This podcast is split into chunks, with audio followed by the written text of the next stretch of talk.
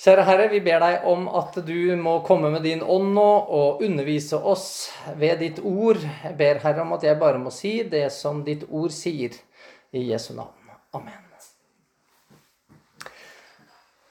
Jesus har i bergprekenen snakket om hvilke holdninger de som vil være hans disipler, har, og videre da hvilke handlinger som følger med. Han har snakka om at de hykler ikke på forskjellige religiøse områder, og hvor de samler seg skatter, har han undervist om. Og han har også snakka om hvem en disippel har som herre i livet. Og grunnlaget for alt dette er kjærlighet. For kjærlighet er det grunnleggende, og da er det ikke bare hva du har at Kjærlighet som et sånn diffust begrep, men det er kjærlighet til noe helt konkret. Det er kjærlighet til sannheten. I bestemt form entall.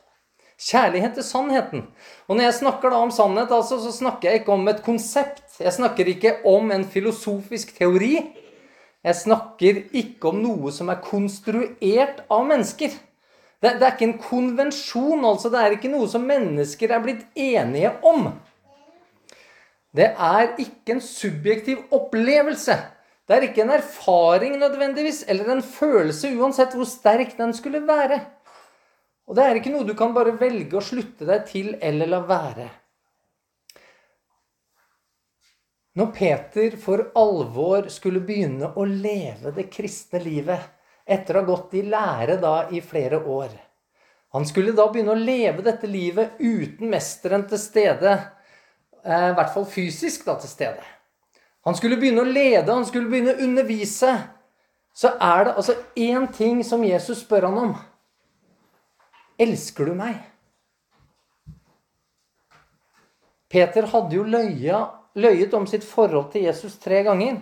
Og løgnen den står mot sannheten. Det er motsatsen til sannhet. Og det er Guds motstander er kalt løgnens far. Synd er alltid basert på en løgn. Den kan altså ha, være veldig godt kamuflert. Den kan gjerne være pynta fint. Det kan til og med ha fått et lag sukker på toppen så det smaker godt. I hvert fall sånn umiddelbart. Men løgn er det likevel. Og som Jesu disippel så blir Peter spurt tre ganger. Elsker du meg? Sannheten er en person. Og denne personen står der på berget i Galilea og underviser om hvordan de som elsker sannheten, skal leve. Og når man elsker sannheten, så kan man ikke være en passiv tilskuer til livet. Kjærligheten er aldri passiv. Den er aktiv. Ja, ikke bare er den aktiv, den er proaktiv. I ekteskapet så kan jeg passivt la være å gjøre en mengde ødeleggende ting. Men ekteskapet vil da ikke bestå av den grunn. Jeg må aktivt delta. Eh, og jeg må gjøre det som er godt, det som er oppbyggende. Men normalt sett så vil heller ikke det være nok for å bevare ekteskapet. I hvert fall ikke et godt ekteskap. Nei, jeg må proaktivt delta. Ved å forebygge framtidige problem som kan utvikle seg. Jeg må snakke sant om relasjonen ut fra egne svakheter og mangler, og blottlegge egne behov. Og jeg må snakke sant med ektefellen om hvordan en opplever den andre og deres gjerninger. Jeg må tørre å stille spørsmål rundt ektefellen sine holdninger og handlinger. Og, og sette regler og skape rammer som gjør at dette samfunnet kan bli bevart og få lov til å blomstre. Og Jesus han har i bergprekenen kommet til dette punktet nå, der kjærlighet til ham, kjærlighet til sannheten, skal vise seg i proaktive gjerninger. En lar ikke sin bror gå rundt med en flis i øyet. Han ønsker å hjelpe han og trekke den ut. Vi så på dette forrige søndag. En bror som ikke vil la seg korrigere av sannheten, skal han støte bort. Og begge deler for å forsøke å bevare sin brors kjærlighet til sannheten. Og for å bevare både sin egen og de hellige samfunn sin kjærlighet også. Og det gjøres selv om det hadde vært veldig mye enklere å la være. Mye mer behagelig å la det skure og gå og forholde seg passivt. Og slik er det også i ekteskapet. Det koster å være aktiv og proaktiv, men en gjør det i kjærlighet fordi en ønsker å bli bevart i kjærlighet. Det er en kostnad på kort sikt, dette, men man gjør det for å slippe en mye større og mer fatal kostnad på lang sikt. Og det undrer meg hvorfor jeg opplever at mange mennesker som kaller seg kristne, synes å ha en større kjærlighet til det komfortable. Større kjærlighet til roen og det behagelige. Større kjærlighet til toleransen, tvetydigheten og troløsheten enn de har til sannheten. Bibelen vitner om at en kristen sin relasjon til Jesus er mellom en brud og en brudgom. Og dersom jeg har et avslappa forhold til sannheten i mitt eget ekteskap, så kan det altså kanskje skure og gå en periode. Men det vil altså ikke gå veldig lenge før kjærligheten vil bli kald, og så vil jeg begynne å gå til andre mennesker for å få dekka mine behov. Jesus ønsker at kjærligheten mot sannheten er slik for deg at det er bare én plass du går for å få dekka dine behov. Mange tror på løgner om egne behov som bare er erstatninger for sanne behov. Noen tror på løgner om at de ikke har så store behov. Ja, noen tar det så langt De blir så selvrettferdige at de later som de ikke har noen behov. Som de ikke da selv kan på en måte komme i møte. De trenger ingenting fra andre. Og det er samtidig de som gjerne tror at de kan begynne å fortelle alle andre om deres mangler og behov. Kjærlighet til sannheten avdekker våre sanne behov. Og slik er det med alle tette relasjoner, som ekteskap, gode vennskap, og der sanne kristne og brødre og søstre møtes i fellesskap. Det avdekker våre svakheter. Og Derfor så får vi altså behov for nåde i møte med tette fellesskap. Nære relasjoner det avdekker også behovet for visdom, slik at ikke disse relasjonene blir videre ødelagt. Det er ikke noe menneske kan mane fram dette, denne visdommen og denne nåden som vi trenger fra egen hjerne eller eget hjerte. Vi er avhengig av å få det. Og Jesu lærer forrige søndag burde gjøre dette helt klart for oss. Skal vi klare å etterleve sannhetens ord om å f.eks. dra flisen ut av vår brors øye, ikke gi hundene det hellige eller kaste perler til svin, da trenger vi veldig stor visdom. Om vi skal slippe å pådra oss andres vrede, som altså kan komme og ødelegge oss og rive oss i filler, står det, så krever det en relasjon til sannheten. En kjærlighet og en visdom som jeg ikke har naturlig i meg.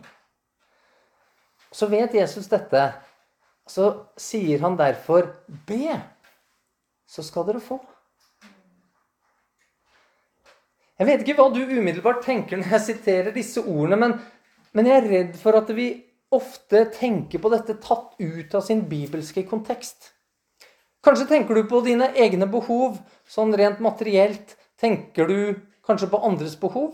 Eller Tenker du på de gangene du har bedt, og så har du ikke opplevd å få svar? Tenker du på hva du fikk, men som du brukte feil? Eller tenker du at svaret bare ikke er kommet ennå? Bergprekenen er altså retta mot Jesu disipler. Det er mange andre tilhørere her også. Noen av de er eh, folk som Jesus kaller hyklere, og det som verre er. Men de var tilhørere. Men Jesus snakker her til sine egne. Det har vi vært inne på tidligere. Og det er bare de som kan forvente å få. De som har kjærlighet til sannheten. Som har fått avdekket sanne behov om seg selv og andre, og om det samfunnet en er en del av. De vil begynne å be på en slik måte at de kan forvente å få det de ber om. Det er altså ikke slik at Jesus i bergprekenen her gir en sånn blankofullmakt til at du kan få hva du enn ber om. Og dette kommer veldig tydelig fram i Jakobs brev, kapittel 4, vers 3, der han skriver til troende mennesker, og så sier Jakob, dere ber og får ikke, fordi dere ber ille, for å sløse det bort i deres lyster. Vi forstår jo hvorfor man da sløser det bort, i så fall fordi at vi lever i en temporær virkelighet. der alt skal gå til grunne. Alle naturlovene vitner om det. Så det å be om ting som bare gjelder for nå, her og nå, det vil forsvinne. Det er på en måte bortkasta. Vil de som har kjærlighet til sannheten, be om å vinne i Lotto f.eks. For, eksempel, for å få tilfredsstilt sine lyster?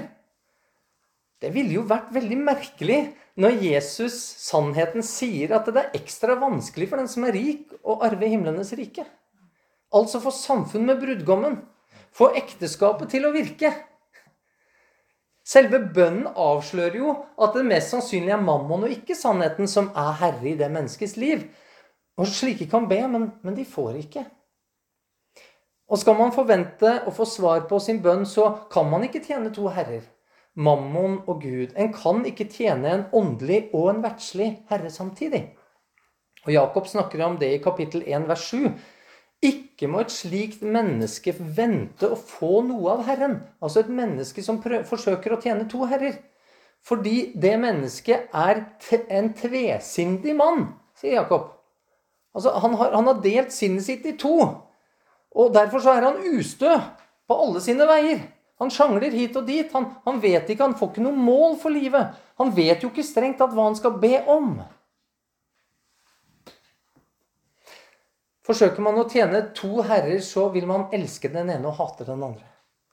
Og man kan ikke hate sannheten og samtidig å be om å få det som er av sannheten. Og Johannes han skriver slik i kapittel 5, vers 14. Og dette er den frimodige tilliten vi har til ham, at dersom vi ber om noe etter hans vilje, så hører han oss. Og dersom vi vet at han hører oss, hva vi enn ber om, da vet vi at vi har fått våre bønneevner oppfylt hos ham. Men Johannes han legger inn et forbehold som du sikkert la merke til. Han sier 'dersom'.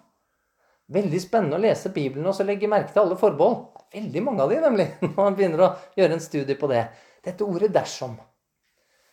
Dersom vi ber om noe etter hans vilje, da må vi jo kjenne hans vilje. Er det én ting bergprekenen viser oss mer enn noe annet, så er det at jeg ikke klarer å leve det kristne livet slik Jesus forteller at det skal være. Jeg klarer ikke å være fullkommen slik Gud er fullkommen. Og så har Jesus heldigvis der, midt i dette som avslører meg så totalt, så har han kommet med løsningen.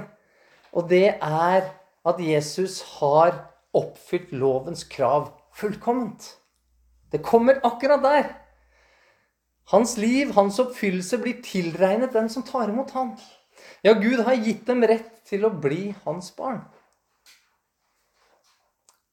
Og dette er sant, og det skaper en kjærlighet til Jesus, til sannheten, som virker slik en disippels hjerte at en, at en begynner å ønske å leve i samfunn. Man ønsker å leve tett på. Sånn er det i forlovelsestida. Er det ikke sånn, Elise og Knut? Man, man, vil ikke være så veldig lenge borte fra hverandre. Vi er forlova med sannheten, venner. Selvsagt vil vi leve nær til Han. Og det trenger vi for å kjenne Hans vilje.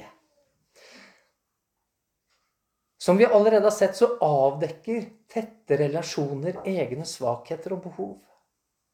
Dette er det vanskelige med tette relasjoner. Og det gjør det i mitt liv i møte med dere alle sammen. Og det gjør det enda mer i møte med min ektefelle. Og hvordan tror dere det virker i et hjerte når man lever i tett relasjon med Han som er sannhet? Kan det bli ubehagelig? Ja, du vil bli fullkomment avslørt, min venn. Dine behov vil blottlegges mer enn noe annen plass. Og dette er slik, og heldigvis så vil det påvirke deg for hva du begynner å be om. Hvordan du ønsker å bli velsigna. Jesus han snakker om en toller som gikk for å be. Noen ganger sitter jeg og tenker på hva, hva er det han kunne tenke seg å bedt om. Han var nok ganske upopulær, f.eks. Han kunne jo bedt om 'Herre, la meg bli populær blant folket'. Ja, det kunne han. Han, han kunne 'Å, Herre, la meg få en mindre belastende jobb'. Ja, det ville vært ganske naturlig å be om. Men denne tolleren er avslørt. Han skjønner at han har mye større behov enn dette. Og han har en enkel bønn. Gud, vær meg synder nådig. Det var verken en from bønn, en bønn av mange ord eller en elegant bønn, men det var en bønn som var i pakt med sannheten om hvem han var. Om hvor han sto i denne relasjonen som var viktigere enn noe annet. Og når du ber i pakt med sannheten, da skal du be, og du skal få. Og derfor så sier Jesus tolleren gikk bort. Sier den at han gikk rettferdig hjem til sitt hus? Nei, det står ikke det. Han gikk rettferdig gjort hjem til sitt hus.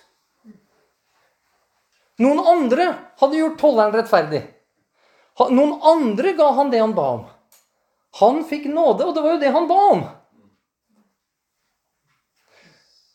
Og Johannes han skriver om det å få det en ber om i sitt første kapittel 3, eh, I sitt første brev, ja, i kapittel 3, vers 21 og 22, sier Mine kjære, dersom vårt hjerte ikke fordømmer oss, da har vi frimodighet for Gud. Og hva vi enn ber om, det får vi av ham.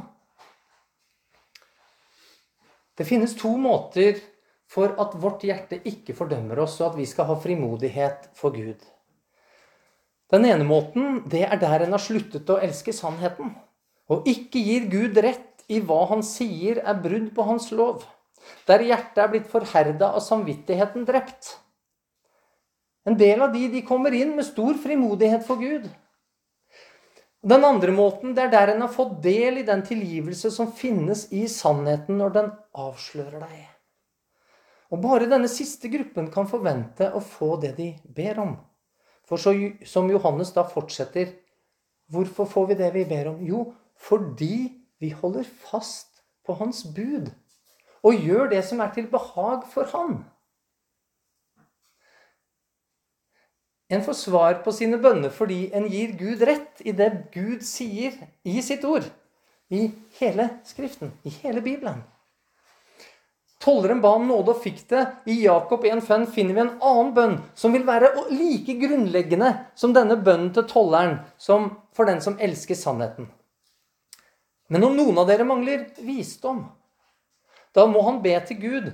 For Gud gir alle, vilje og uten bebreidelse, og så skal han få den. Gud gir alle, og dette er ikke snakk om alle mennesker. Nei, det er alle hans barn. Hvorfor skal du få svar på en slik bønn? Jo, fordi sannheten er at du mangler visdom. Ja, selv Salomo, som altså har gitt mer visdom enn noe annet menneske, viser seg å mangle visdom fullstendig når relasjonen til sannheten blir brutt. Og Så begynner han å gjøre en hel haug med ting som mangler visdom, åpenbart, fordi han ønsket å begynne å leve slik han selv ville. Ikke etter Guds bud. Både nåde og visdom er grunnleggende gaver som en kristen trenger dersom kjærlighet skal få kunne vokse videre og få ringvirkninger, sånn som vi hørte om fra Hartvig. Og når kjærligheten vokser, så får man kapasitet til å begynne å tenke på andre enn seg selv. En får omsorg for andres behov. Og dette vil måtte påvirke hva en ber om. Paulus vet at slik bønn nytter og skriver til filipperne Jeg vet jo at dette skal bli til frelse for meg ved at dere ber for meg. Til kolosserne så skriver Paulus Be også for oss at Gud må åpne en dør for ordet, så vi kan forkynne Kristi mysterium. En ber for andre, og målet er frelse både for den man ber for, men også slik at den personen kan være med å spre dette evangeliet videre ut til andre. At flere kan få lov til å møte Jesus. Og så skal vi be for hverandre for å kunne bli fri fra sykdom, står det. I Jakob 5, 16. Bekjenn derfor dere synder for hverandre. Med andre ord, gi Gud rett i det han sier. Følg hans bud. Bli avslørt. Bekjenn derfor syndene for hverandre, og be for hverandre, for at dere kan bli helbredet. Et rettferdig menneskes bønn har stor kraft og virkning. Ja, rettferdig er vi når vi får lov til å bekjenne. Når vi får lov til å omvende oss igjen og igjen. Vi ber for å hjelpe andre. I 2. Korinterne 1,11 står det også dere må komme oss til hjelp med bønn. Kom oss til hjelp med bønn, slik at det fra manges munn kan lyde rikelig takk for oss, for den nåde som er oss gitt. Kanskje takker du for det du har fått av Gud, men takker du hva Gud har gitt av andre? Takker jeg for at Dag har fått en fantastisk stemme som han velsigner oss med? Takker jeg Gud for Hartvig, som går ut på gata og vitner og forkynner? Takker jeg for hva alle dere som er her, får lov til å bety for meg? med alle de gavene som dere har fått.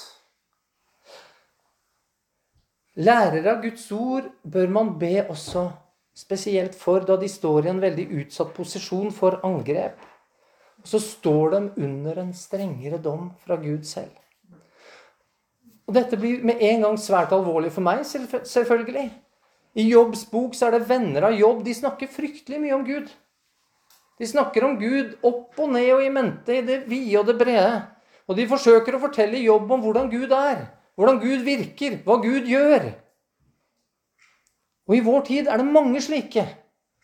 Ordgytere som snakker masse om hvem Gud er, og hva Gud gjør, og hva Gud har gjort eller skal ha gjort, osv. Merk dere hva Gud sier til disse vennene til jobb. Min vrede er opptent mot deg og mot dine to venner, for dere har ikke talt rett om meg. Dere har ikke talt om meg sånn som min tjener jobb. Og dette å vitne falskt om Gud og hvem han er og hva han har gjort, er altså ekstremt alvorlig. Og jeg er veldig redd for at veldig mange som er, kaller seg kristne lærere i vår tid, gjør nettopp dette. De ødelegger Guds karakter. Og for Jobbs venner så var dette nå blitt en enorm krise. Hvorfor var det blitt en så stor krise? Jo, Guds vrede var over de. Det er jo krise. Men vi tenker jo men vi har jo nåde osv. osv. Ja, men hva fortsetter å stå i Jobbs bok? Og min tjener Jobb skal be for dere. Bare han vil jeg bønnhøre. Disse menneskene har altså talt så mye feil om Gud at Gud vil ikke lenger høre på det de sier.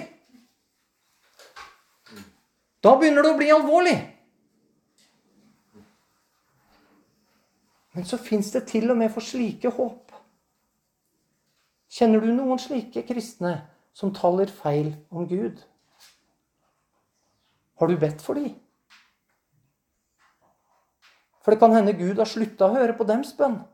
Ja, Mest sannsynlig har han sluttet å høre på dems bønn. Men han kan høre din bønn. Et rettferdig menneskes bønn har stor kraft.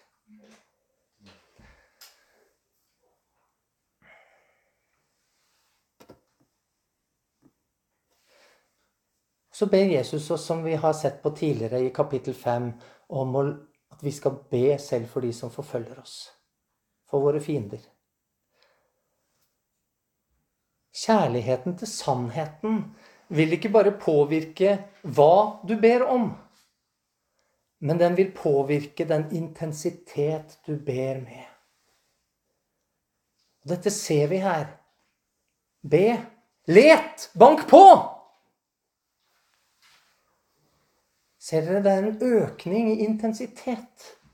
Det er en økning i aktivitet. Ja, man, man ber i sitt lønnkammer. Nei, man går ut og leter. Nei, man går og banker på. Dette er noe som betyr mye. Sannheten er for viktig til at man bare kan sitte der passivt og be. En begynner aktivt å lete. Ja, man begynner proaktivt med å banke på. Slik er kjærlighet. Ber du om nåde? Tenker du at du kan leve i nåden i samfunn kun med deg selv? Eller leter du etter et nådefellesskap? Banker du på de porter der brødet og vinen deles ut? Ber du om visdom og prøver å finne den i dypet av din egen sjel? Jo, det er mange som gjør det. Det er mange som prøver å lete etter den indre guddommen i seg selv. Og det er skrevet utallige bøker om hvordan du skal kunne finne ut og klare det. Men leter du etter visdom i Guds ord? Er du aktiv? Banker du på? Er du proaktiv? Banker du på hos noen som du mener har denne visdommen som du søker? Spør du om de kan forklare deg det du selv ikke har forstått ennå? Ber du om en jobb uten å søke på noen? Ber du om bedre økonomi uten å banke på dører som kan gi deg oppgaver du kan få bedre betalt for?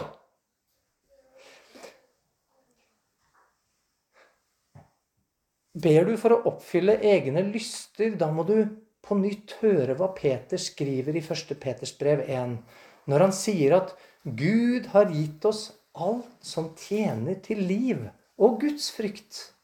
Og gjennom det så har han gitt oss de største og mest dyrebare løfter. Og dette handler om til sjuende og sist at et menneske skal få del i guddommelig natur. Tenk, du skal be og få, og det du får, er del i guddommelig natur. Men det skjer bare, sitat, etter at dere har flyktet bort fra fordervelsen i verden som kommer av lysten. Sitat slutt.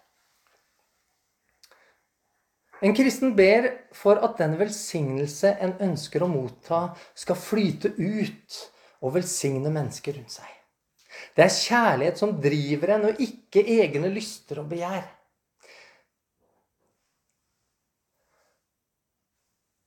Godtar du at nåde, visdom, kunnskap og materielle velsignelser som du ber om, gjør at Gud da vil begynne å kreve mer av deg? Du kan få en hverdag som blir mye mindre komfortabel enn før. Du kan få mer å gjøre. Du kan få det travelt, til og med. Du kan få muligheter for økt bekymring. På nynorsk så sies det 'ignorance is bliss'. ja. Uvitenhet er lykke. Ja, i hvert fall på kort sikt. Og jeg har møtt folk som bekjenner seg som kristne, men som synes å ønske å slippe. Slippe kunnskap og visdom og ansvar. De vil ikke vite hva som skjedde i forsamlingen. De, de vil ikke vite hvordan folk levde. De, de vil ikke høre om problemene som fantes. Det var mye, mye enklere å slippe.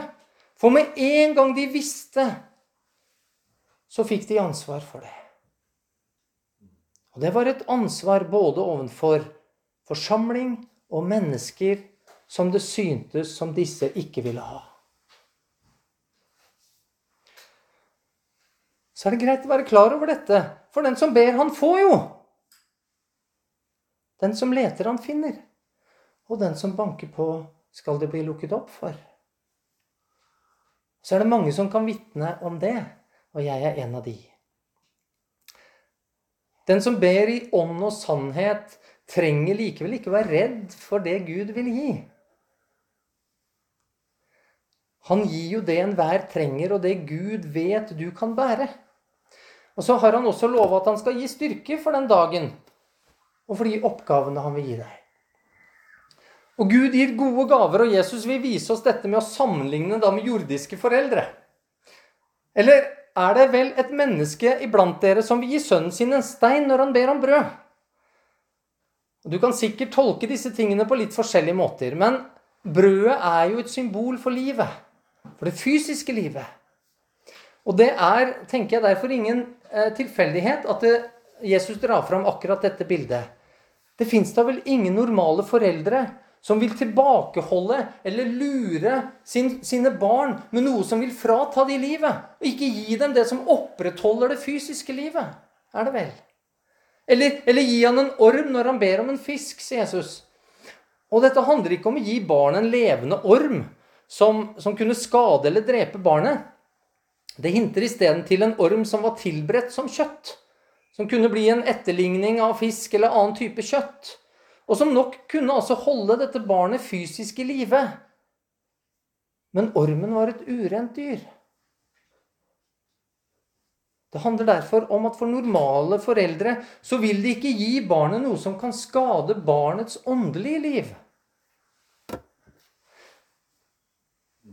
Når dere da som er onde, vet å gi deres barn gode gaver, brød og fisk, både fysisk og åndelig god mat, hvor mye mer da deres far i himmelen vil han gi gode gaver til dem som ber ham?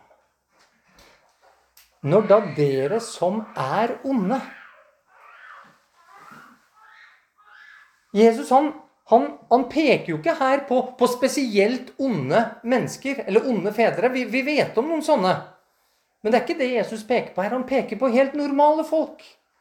Når dere som er onde Dette er en av disse plassene i Bibelen som igjen vitner om menneskets totale falne natur. Vi er alle onde. Når vi har en verden rundt oss som, som later som at mennesket er godt på bunn, så har vi en fullstendig på kollisjonskurs med Bibelen. Vi har en fullstendig annen virkelighetsforståelse. Gud er ikke en sånn lunefull gud som er skapt av mennesker. Vi kan lese om masse sånne lunefulle guder når vi begynner å studere mytologier og andre religioner.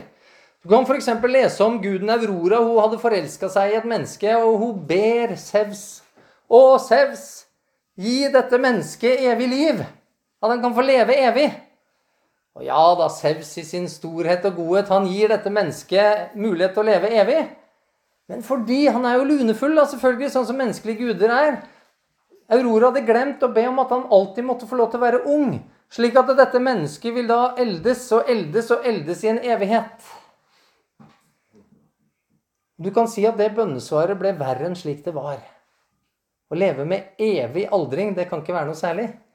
Og det er vanskelig å for, eh, holde forelskelsen gående, i hvert fall etter hvert som denne pågår. Eh, det kan kanskje være det i for, for, å si det sånn Vi vet at det er vanskelig i vår verden allerede. Det er mer enn nok som finner seg en yngre enn etter det er gått noen år. Evigaldring, da begynner vi å snakke om umulig. Og så er ikke Gud sånn som muslimenes Allah heller, som oppleves å være fullstendig likegyldig i forhold til menneskers ve og vel og deres frelse. Og Likevel så krever han den strengeste form for underkastelse. Ja, du skal ofre livet ditt for en som ikke bryr seg om deg med en tanke. Han kaster en neve støv over skulderen og tenker de går, de blir frelst. Og kaster en annen neve støv over den andre skuldra, de sier de går fortapt. Og det er omtrent så langt som Allahs omsorg for sine strekker seg. Gud vil gi gode gaver. Gaver som tar vare på sine barns åndelige liv. Ja, han vil gi alt det andre i tillegg. Dette har vi jo nettopp vært igjennom. Så fysisk brød, selvsagt. Eh, og det du trenger. Alt det andre i tillegg. Og Derfor, derfor kan en kristen si med Paulus fra Efeserne 1, vers 3.: Lovet være Gud, vår Herre Jesu Kristi Far, Han som har velsignet oss med all åndelig velsignelse. All åndelig velsignelse. Og dette har vi etter Hans nådes rikdom. Denne nåde har Han gitt oss i rikt mål, med all visdom og forstand. Den som elsker sannheten og ber i sannhet, mottar altså nådens rikdom sammen med all visdom og forstand. For at du som ber, skal få del i guddommelig natur. En natur som altså vitner om en kjærlighet så stor at den ga sitt liv for din skyld. Og det skjedde ved at Jesus selv ba. Ikke som jeg vil bare som du vil. Jesus ba etter Guds vilje. Og den uendelige velsignelse som dette har utgjort, har strømma utover hele verden og vil bli til en skare som ingen kan telle. Forstår dere hvordan dere skal be for å få. Ja, det er viktig at dere gjør det, for ellers kan dere altså ende opp blant de som Jakob skriver om. Dere har ikke fordi dere ikke ber. Og dere får ikke fordi dere ber ille. Så kommer Jesus mot konklusjonen. Han konkluderer med å peke på grunnlaget for det hele, som vi for så vidt har vært innom. Kjærligheten som vises gjennom den gylne regel. Derfor alt dere vil at menneskene skal gjøre mot dere, gjør det mot dem, for dette er loven og profetene. Det finnes versjoner av dette her i alle religioner, men kristendommen er unik av to grunner. Jesus er den eneste som ikke bare sa dette, eller fikk det skrevet ned, men som faktisk levde det ut praktisk. Han døde for å oppfylle lovene og, loven og profetene fullkomment. Han gjorde mot sin neste det han ønsket for seg selv, relasjon med Faderen. Men det er én ting til du må forstå, og det er at Bibelens versjon er den eneste som virkelig er bygget på sann kjærlighet. På ekte kjærlighet. Og det er jo det du kan forvente når vi snakker om, om sannheten. Hør hvordan dette fordreies i forskjellige menneskelige versjoner. Confucius han sa 500 år før Kristus ikke gjør mot andre det du ikke vil at de skal gjøre mot deg. Buddhismen rundt 500 før Kristus er det i hvert fall skrevet ned. Ikke sår andre på måter som du selv ville synes var sårende. Eller hinduismen ca. 400 år før Kristus. Dette er summen av plikt. Ikke gjør mot andre det som ville forårsake smerte hvis det samme ble gjort mot deg. Eller islam 700 etter Kristus. Ingen av dere tror før han ønsker for sin bror det han ønsker for seg selv.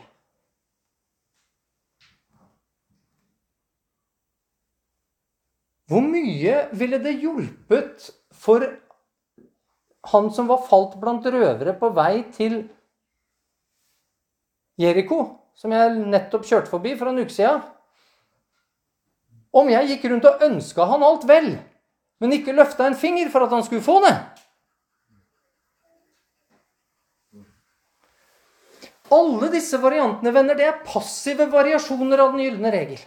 Det, det, finnes ikke en eneste sann relasjon i verden som kan overleve på det der. Det, du, du, du, du, kan ikke få noen ting til å fungere på den måten. Det, dette er som kardemommeloven, som sier du skal ikke plage andre, du skal være grei og snill, og for øvrig kan du gjøre som du vil. Det er passivt. Det er følelsesbasert. Det er følelser her som bestemmer hva som er sant. Og Disse reglene byr ikke opp til at du har noe aktivt ansvar for andres ve og vel. Og i hvert fall ikke for menneskers evige ve og vel. Ja, du er i grunnen nødt til å være passiv. For dersom du følelsesmessig skal oppleves grei og snill, ja, da må du nå for all del ikke aktivt begynne å involvere deg i andre menneskers liv og vitne om sannheten. Skulle du følge disse reglene, venner, for ditt liv, så kunne du fint be om å få dine egne lyster oppfylt. Det hadde vært helt greit. Så lenge dine lyster ikke gikk utover andre, så lenge det var samtykke, så lenge alle rundt deg følte at det du gjorde, var i orden. Kjenner dere igjen hvilken versjon av den gylne regel som regjerer i vårt samfunn? Alle disse reglene gir rom for menneskets iboende, selvsentrerte og narsissistiske syndige natur. Selvsagt gjør de det. Det er jo mennesker som har funnet på de alle sammen. Men før alle disse ble nedskrevet, rundt 1400 år før Kristus, så sier Guds ord du skal elske din neste som deg selv. Er du passiv overfor deg selv? Tar du ikke til deg næring? Reiser du deg ikke opp når du faller? Kler du ikke kroppen din?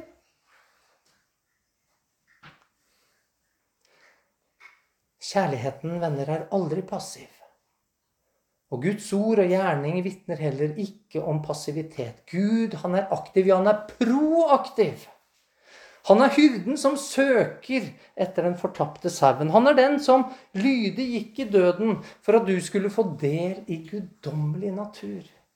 Og som villig gir til dem som ber ham om å få del i hans rike nåde med all visdom og forstand. Og dette gjør han for at denne rikdommen og velsignelsen skal flyte ut ifra ditt liv til stadig flere. Kjærlighet til sannheten så kan du be. Og du kan forvente å få. Du kan lete, og du vil finne. Og drister du deg til å banke på, så skal det lukkes opp for deg. Kjære Herre, vi takker deg for ditt ord til oss. Vi takker deg for denne aktivitet, Herre, som vi ser hos deg. At du søker. Du går i forbønn for oss. Du leter etter dem som er gått fortapt. Ja, du kaller, du banker på, Herre. Å, Herre, om vi kunne lære av deg. Og ta på oss denne, dette åket som det er å måtte være aktiv, ja, proaktiv. Men så har du sagt, Herre, at ditt åk, det er lett. Og Herre, jeg takker deg for at dette har jeg erfart, Herre. Jeg har erfart at det koster, men jeg har også erfart at byrden er lett. Så takker jeg deg, Herre, for at jeg også kan få komme til deg de gangene jeg ikke makter å gjøre det jeg burde. De gangene jeg feiler, de gangene jeg faller. Og Herre, de gangene jeg virkelig har falt, så vil jeg igjen takke deg for at du var aktiv, og du kom, og du reiste meg opp. Som du reiser opp enhver som kommer til deg og ber om det. Herre, takk for den du er. Vi vil takke, og vi vil lovprise deg. Amen.